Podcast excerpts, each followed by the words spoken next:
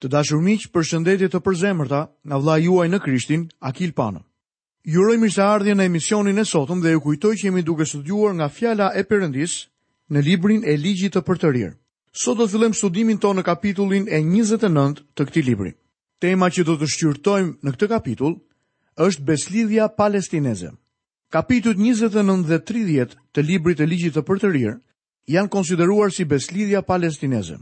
Shumë individë të ndryshëm mendojnë që beslidhja janë kapitujt nga 28-a deri tek 30-a, ndërsa referencat biblike të Skofildit mendon që beslidhja fillon nga kapitulli 29 dhe 30 deri tek vargu i 10. Ndërkohë që në shënimet e mia e kam quajtur kapitullin e 29 deri në vargun e 10 të kapitullit të 30 si beslidhjen, edhe pse beslidhja gjendet në 10 vargjet e parë të kapitullit të 30. Ky kapitull është si një hyrje. Këtu na jepet fjala e katërt e Mojsiut. Lexojmë nga kapitulli 29 i Ligjit të Përtërirë, vargun e parë. Këto janë fjalët e beslidhjes që Zoti i urdhëroi Mojsiut të përfundonte me bijtë e Izraelit në vendin e Moabit, përveç beslidhjes që kishte bërë me ta në malin Horeb. Beslidhja e bërë në Horeb ishte dhënia e dhjetë urdhërimeve, ose ajo që e quajmë ne ligji i Mojsiut. Beslidhja e Zotit me ta ka lidhje me tokën dhe quhet beslidhja palestineze. Perëndia e bëri këtë beslidhje përpara se të hyjnë në tokën e premtuar. Lexojmë nga vargu i dytë. Mojsiu thirri tërë Izraelin dhe u tha atyre: Ju keni parë të gjitha ato që i ka bërë Zoti në Egjipt, para syve tuaj, faraonit, të gjithë shërbëtorëve të tij dhe tërë vendit. Këta njerëz do të kenë qenë fëmijë ose adoleshentë kur i panë këto gjëra me sytë e tyre. Më të vjetrit prej tyre duhet të ishin rreth gjashtëdhjetë vjeç pas udhëtimit nëpër shkretëtirë. Jozueu dhe Kalebi mbetën nga brezi i vjetër. Lexojmë vargjet tre dhe katër. Sytë tuaj kanë parë mjerimet e mëdha, shenjat dhe mrekullitë e mëdha, por deri sot Zoti nuk ju ka dhënë zemër për të kuptuar, sy për të parë dhe vesh për të dëgjuar. Pavarësisht se kishin parë të gjitha shenjat, nuk kuptonin ende. Isaia tha shumë gjëra në lidhje me këtë. Pali tek romakët foli për verbërinë e Izraelit, siç është shkruar, Perëndia u dha atyre frymë hutimi, sy që të mos shohin dhe vesh që të mos dëgjojnë deri në ditën e sotme.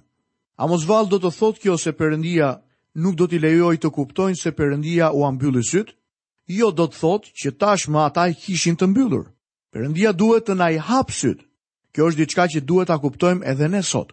Pra aq kohë sa Perëndia nuk i hap sytë dhe veshët e burrave dhe grave, ata nuk kanë për ta dëgjuar ungjillin, fjalën e tij. Mos më keqkuptoni. Ata mund të dëgjojnë fjalët, por nuk mund ta kuptojnë mesazhin. Autori i një artikulli në një revistë e klasifikonte programin tonë përmes Biblës, i cili do të vazhdojë për pesë vjet, me mashtruesit fetarë. Mendonte se nëse përpiqesh të mësosh Biblën, po drejton një mashtrim fetar. Do të më pëlqente që ky njeri të dëgjonte programet për të parë çfarë po përpiqemi të bëjmë. Por ende ndihemi pa shpresë sepse edhe nëse do të dëgjonte, nuk do të kuptonte. Ai nuk do të ishte në gjendje të kuptonte. do të mendonte se po e mësojmë Biblën në radio për ndonjë motiv që mund të shfaqet më vonë. Mund të mendonte që Bibla po përdoret thjesht si propagandë. Pse?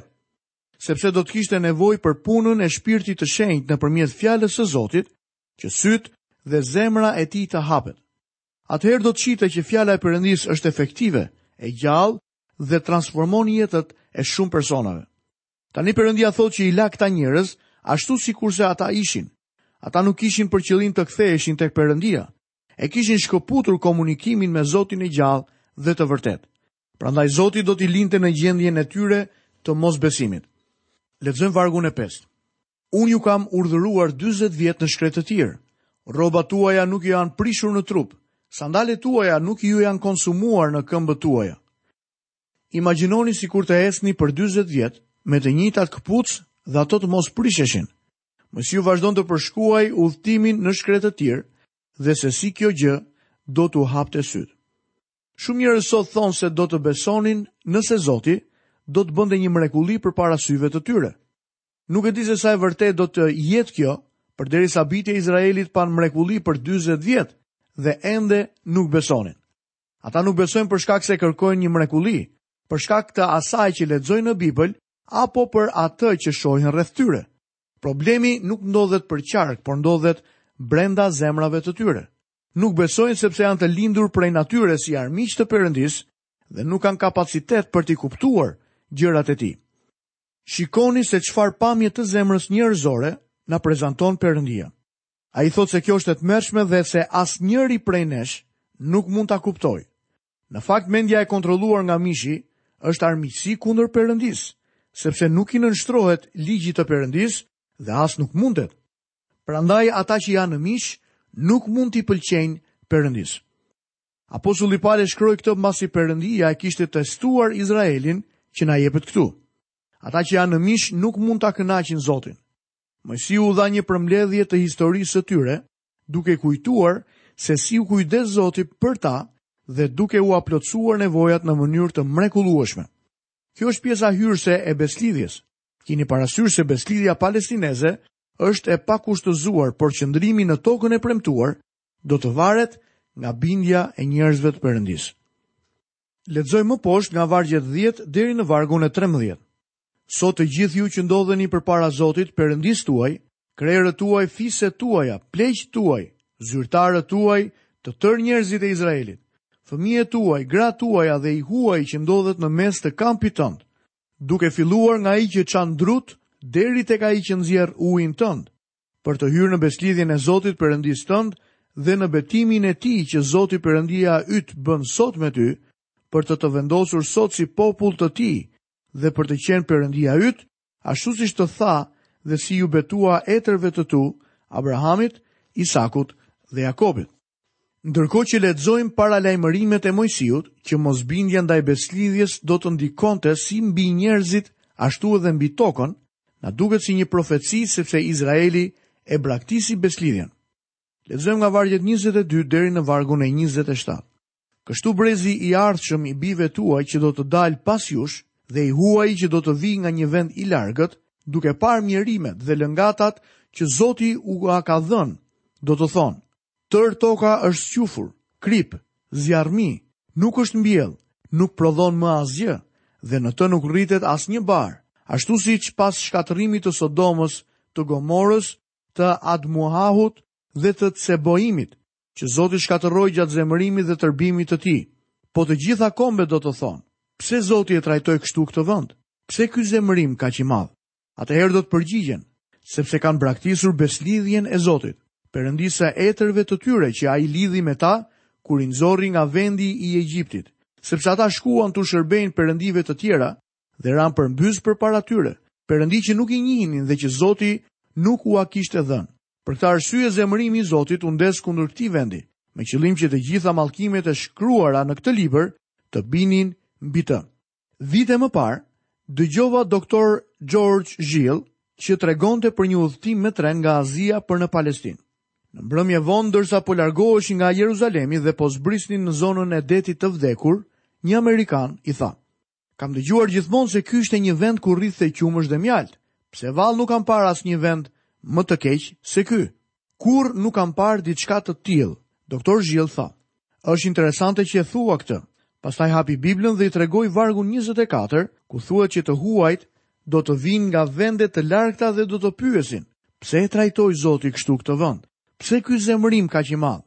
Dhe doktor Gilli tregoi arsyen e saktë që Moisiu e kishte dhënë 3500 vite më parë, sepse kanë braktisur besëlidhjen e Zotit, Perëndinë e etërve të tyre. Vendi dhe toka ecin krah për krah.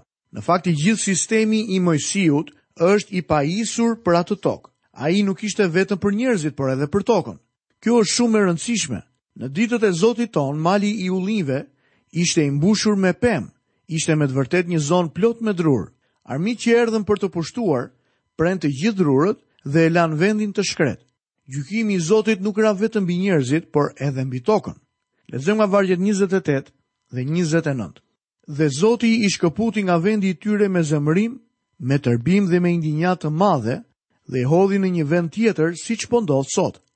Gjërat e fshehta që i përkasin Zotit, Perëndisë tonë, por gjërat e shfaqura janë për ne dhe për bijtë tanë përgjithnjë, me qëllim që të zbatojmë në praktikë tërë fjalët e këtij ligji. Por edhe përpara se të jepej besëlidhja, atyre iu tha se çfarë do të ndodhte. Miqtë e mi, Perëndia na ka thënë se çfarë do të ndodhte me atë tokë. Ajo ndodhet atje e shkretë dhe njerëzit përpiqen të çojnë ujë. Autoritetet bujqësore kanë thënë se nëse vendi mund të rigjallërohej me ujë, do të ishte në gjendje të ndihmonte 15 deri 25 milion njerëz. Kam udhëtuar në atë vend nga Jeriko në Jeruzalem dhe anasjelltas disa herë.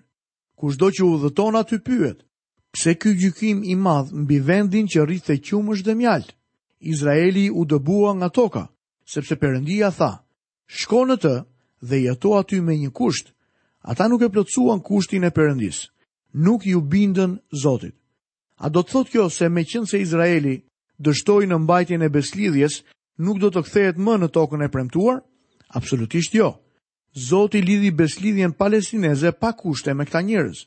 Ne do ta shohim këtë edhe në kapitullin tjetër.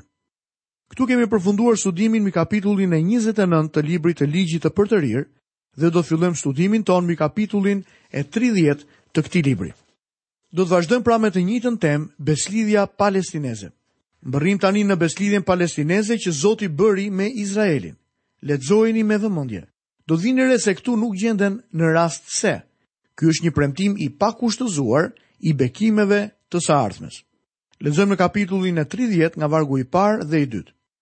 Kështu kur të të kenë rënë në kurriz tërë këto gjëra, bekimi dhe mallkimi që unë të kam vënë përpara dhe ti do t'ua kujtosh të gjitha kombeve në mes të të cilëve Zoti, Perëndia yt, do të të ketë dëbuar Dhe kur të kthehesh tek Zoti Perëndia yt dhe t'i bindesh zërit të Tij, ti dhe bijtë e tu me gjithë zemër dhe me gjithë shpirt, duke respektuar tërë ato që po të urdhëroj sot. Perëndia shpall shtatë premtime të mrekullueshme. Këto deklarata janë të pakushtëzuara. Vargu i parë na thotë se ata do të shpërndaheshin përmes kombeve. Kombi do të nxirrej jashtë nga toka e premtuar për shkak të mosbesnikërisë së tij. Kjo ndodhi. Vargu i dytë na tregon se do të ketë një pendesë të ardhshme të Izraelit kur të jenë në vende të tjera. Ata do të kthehen tek Zoti. Dikush mund të pyesë nëse kthimi i tyre do të jetë në bazë të bindjes së tyre apo jo. Duket logjike që meqenëse u shpërndanë për shkak të mosbindjes, do të kthehen për shkak të bindjes. Por jo miq. Ky është hiri dhe jo ligji. Ata nuk do të kthehen për shkak të bindjes së tyre, por do të binden për shkak të kthimit të tyre. Perëndia do t'i kthejë sërish në tokën e premtuar. Rimbledhja e Izraelit në tokën e tij është tema e së pakti 12 profecive kryesore në dhjatën e vjetër, që do t'ua tregojmë, kur ne të mbërrijmë atje. Lexojmë në vargun e tretë. Zoti Perëndia yt do të të kthejë nga skllavëria, do të ketë mëshirë për ty dhe do të të mbledhë përsëri nga radhët e të gjithë popujve, ndër të cilët Zoti Perëndia yt të kishte shpërndarë. Ky varg na tregon se Mesia i tyre do të kthehej. Shikojeni me kujdes sepse është shumë i rëndësishëm.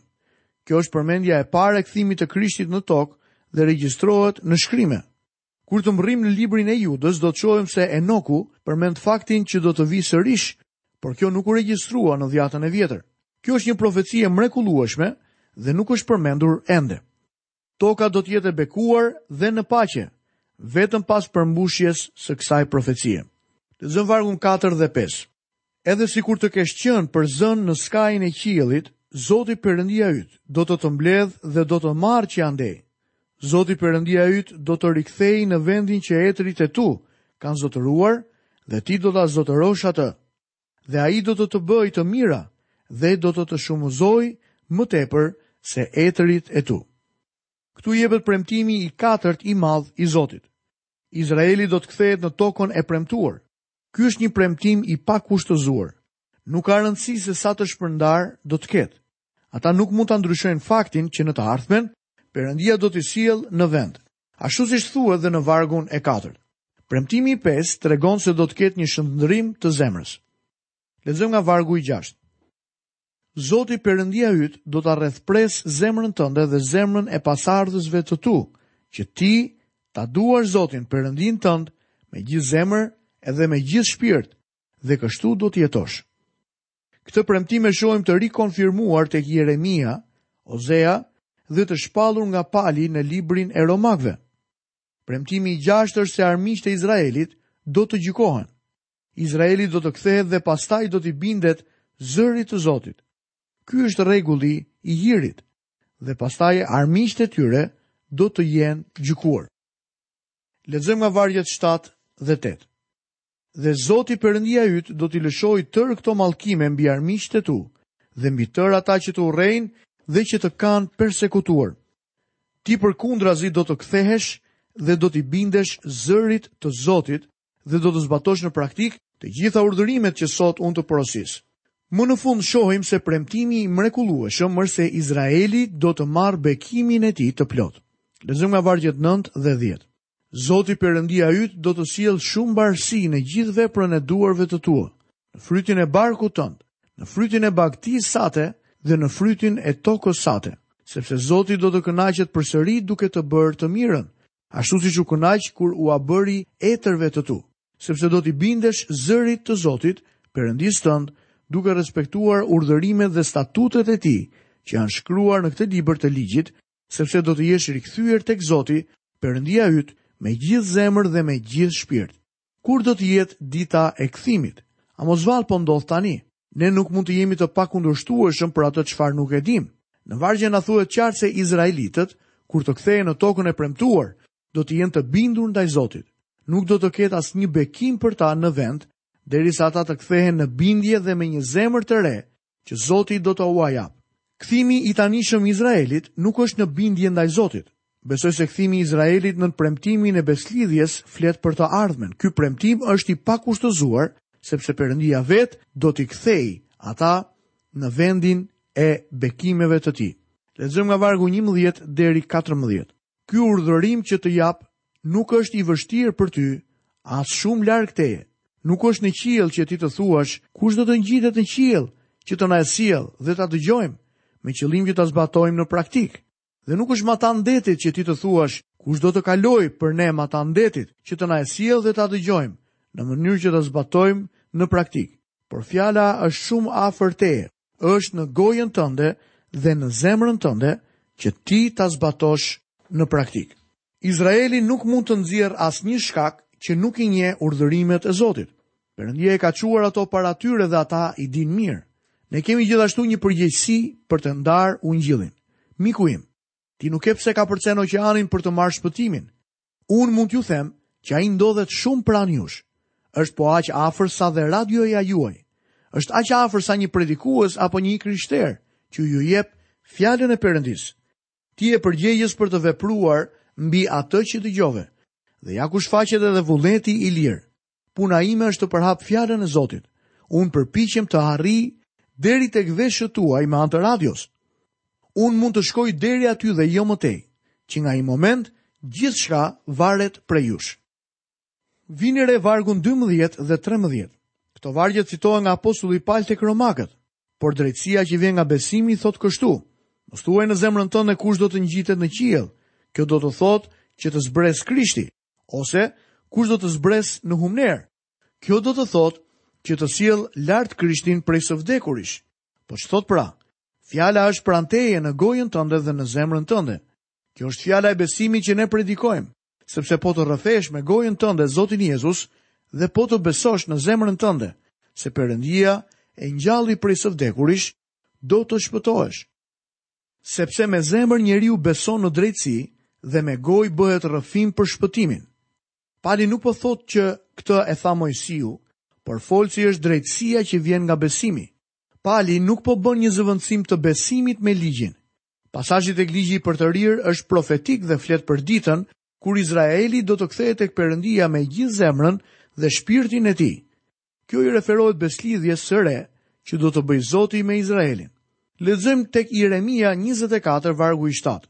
Do t'u jap një zemër për të më njohur mua që jam Zoti. Ata do të jenë populli im dhe unë Perëndia e tyre, sepse do të kthehen tek unë me gjithë zemrën.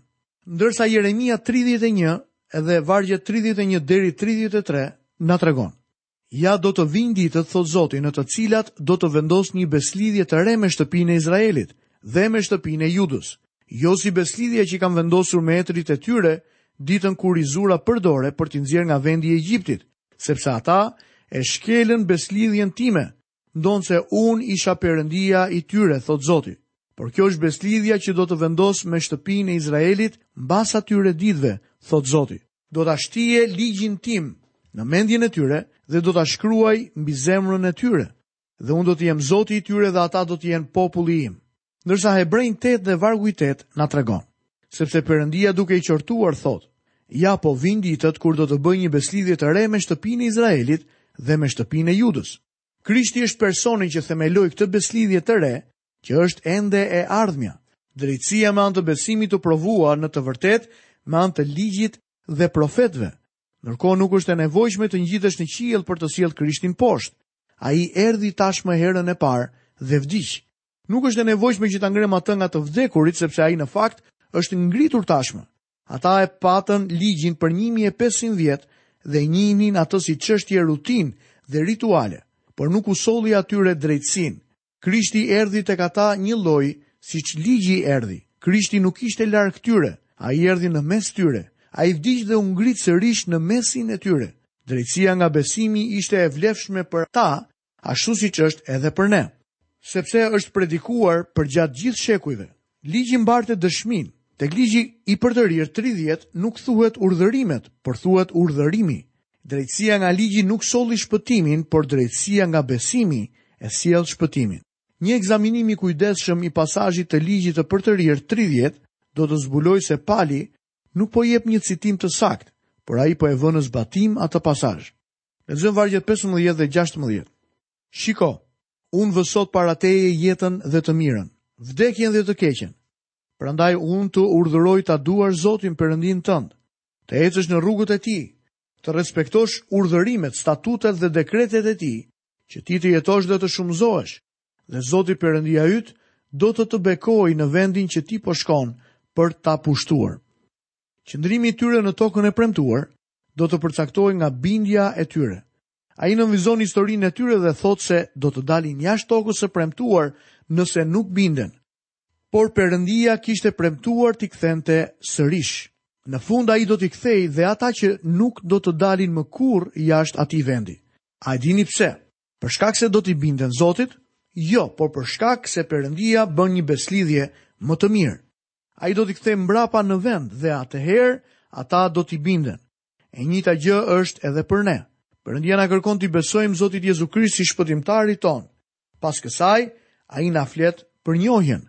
Nëse ju më doni, respektoni urdhërimet e mia. Lexojmë vargun e fundit për sot, vargu i 20.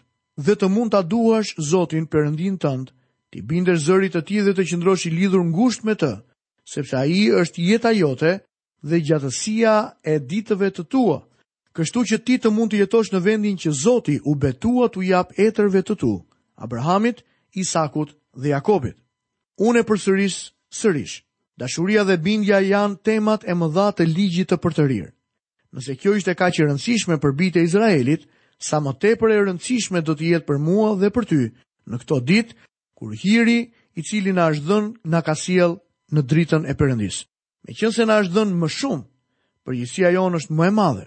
Një nga gjërat që lutem më shumë sot është që mund të rri sa më afër me Perëndinë. Ne duhet të qëndrojmë afër me Zotin tonë dhe kjo gjë është shumë e rëndësishme. Të dashur miq, këtu kemi mbërritur në fundin e emisionit të sotëm.